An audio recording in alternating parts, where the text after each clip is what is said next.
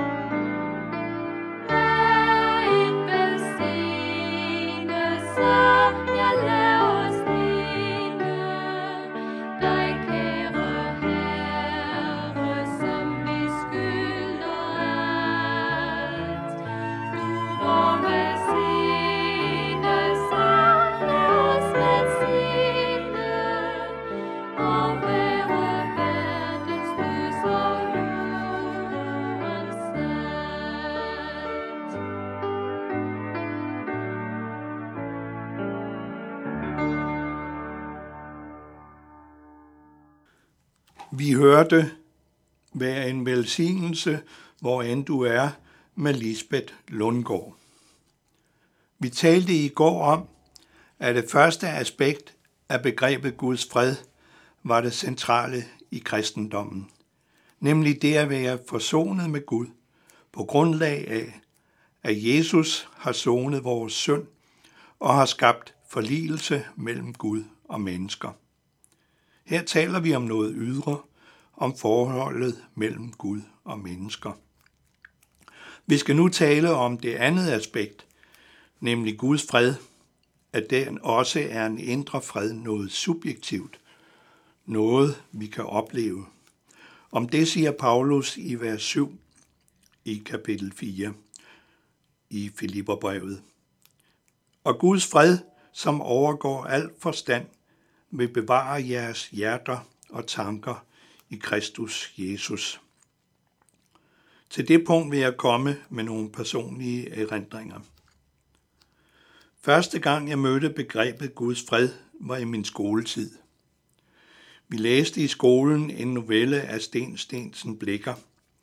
Jeg tror, den hed Ak, hvor forandret. Når fortælleren kommer ind i stuen hos folk på heden, hvor han går på jagt, så hilser han med et Guds fred og god aften. Det lød meget fremmed i mine københavnske drengeører, altså at man i Jylland hilste på hinanden med et Guds fred. Måske var de mere gudfrygtige derovre i Jylland, end folk var i København, tænkte jeg. Det var noget, der satte sig fast i hukommelsen. Mange år senere sad jeg i en international missionerende menighed i udlandet med en god bibeltro forkyndelse. Præsten havde for vane at stille spørgsmål til menigheden, og en dag stillede han spørgsmålet, hvad er den største glæde? Min arm røg straks i vejret. I et nu vidste jeg, hvad der skulle spares. At have fred med Gud. Jeg var dengang ny bibellæser, og vidste heller ikke meget om troslærer. Men svaret dukkede op som et lyn i, bevidst, i min bevidsthed, som en meget stærk og sikker overbevisning at have fred med Gud. Det var forbundet med glæde, fred og harmoni, og tanken om, at jeg var nået til mit livs mål. Jeg skal ikke nå noget andet her i livet. Det gav en følelse af glæde og befrielse. Alt, hvad der normalt optager verden, havde fra dag underordnet betydning. Der var og er ikke længere noget vigtigt, som, som jeg skal nå eller opfylde. Det giver fred i sindet. Det tredje aspekt, jeg nævnte, var, at fred mellem mennesker er en del af hensigten med Kristi død og forsoning med Gud. Paulus siger i Efeserbrevet følgende. Men nu, da I er i Kristus Jesus, er I, som engang var langt borte, ved Kristi blod kommet nær. For han er vor fred. Han gjorde de to parter til et, og med sin læmelige død nedrev han den mur af fjendskab, som skilte os. Han satte loven med dens bud og bestemmelser ud af kraft, for i sig at skabe et nyt menneske af de to, og således stifte fred. Og for ved korset at forsone dem begge med Gud i et læme, og dermed dræbte han fjendskabet. Det Paulus her taler om, er overvindelsen af det store skæld mellem Guds folk og alle andre, mellem, mellem det jødiske folk og hedningerne. Indtil det store vendepunkt i historien, der kom med Kristi fødsel, tog Guds gode gerninger i særlig grad sigte på hans udvalgte folk. Verden var delt op i Guds udvalgte folk, altså Israel, og alle andre folk. Israel nød godt af Guds nærvær, beskyttelse og velsignelse. Med Israel havde Gud indgået en pagt, som skulle bringe velsignelse. For Israels folk var der etableret ordninger, som gjorde det muligt for dem at stå i et særligt begunstiget forhold til Gud. Med Kristi død og opstandelse har Gud forlit hele verden med sig selv. Evangeliet er for alle mennesker. Og alle, som tager imod evangeliet, er en ny skabning og danner et nyt Guds folk, kirken. Og alle jordens folk har lige ret til evangeliet og til at være med. På denne måde sigter Kristus troen på at samle mennesker og skabe fred i den fælles tro. Denne fred mellem mennesker skal i første række vise sig i menigheden mellem kristne indbyrdes. Derfor maner Paulus i Efeserbrevet menigheden til at bære over med hinanden i kærlighed og stræbe efter at fastholde åndens enhed med fredens bånd. De kristne skal kæmpe for fred i menigheden og åndelig enhed, og skal i deres adfærd vise for verden, at de har Kristus troen, og med den kristi kærlighed, så de kan være et vidnesbyrd om evangeliets sandhed. Det fjerde aspekt var, at Guds fred også handler om fred i verden. Paulus maner ikke blot til fred i menigheden. Han giver udtryk for, at fred i verden, det må de kristne aktivt virke for. De skal som kristi lægeme udgøre og repræsentere den af Gud tilstræbte harmoni i verden. De kristne som fredstiftere er noget, som Paulus understreger gang på gang. Hans breve indeholder mange udsagn med både fredsønsker og fredsformaninger. I Romerbrevet siger han for eksempel, Lad os derfor stræbe efter det, der tjener freden og den indbyrdes opbyggelse. Det er i Romerbrevet kapitel 14.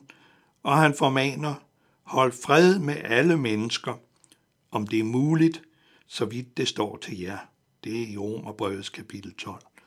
Og han skriver i Hebræerbrevet, stræb efter fred med alle, og efter den helligelse, uden hvilken ingen kan se Herren.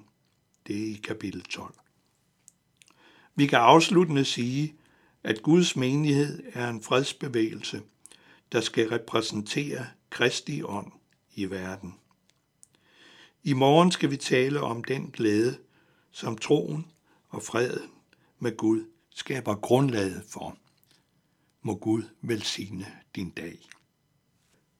Vi skal høre, lær mig at kende dine veje med Louise Frøkær.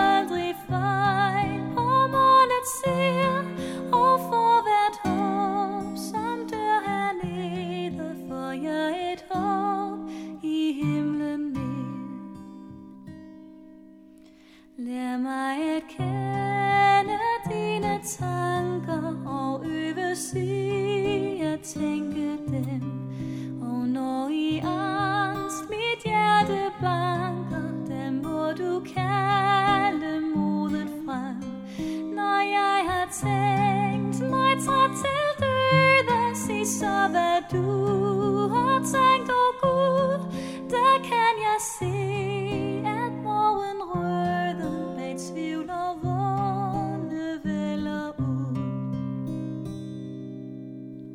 Men lær mig frem for alt at kende din grænseløse kærlighed, den som kan tusind stjerner tænde, når lykken sol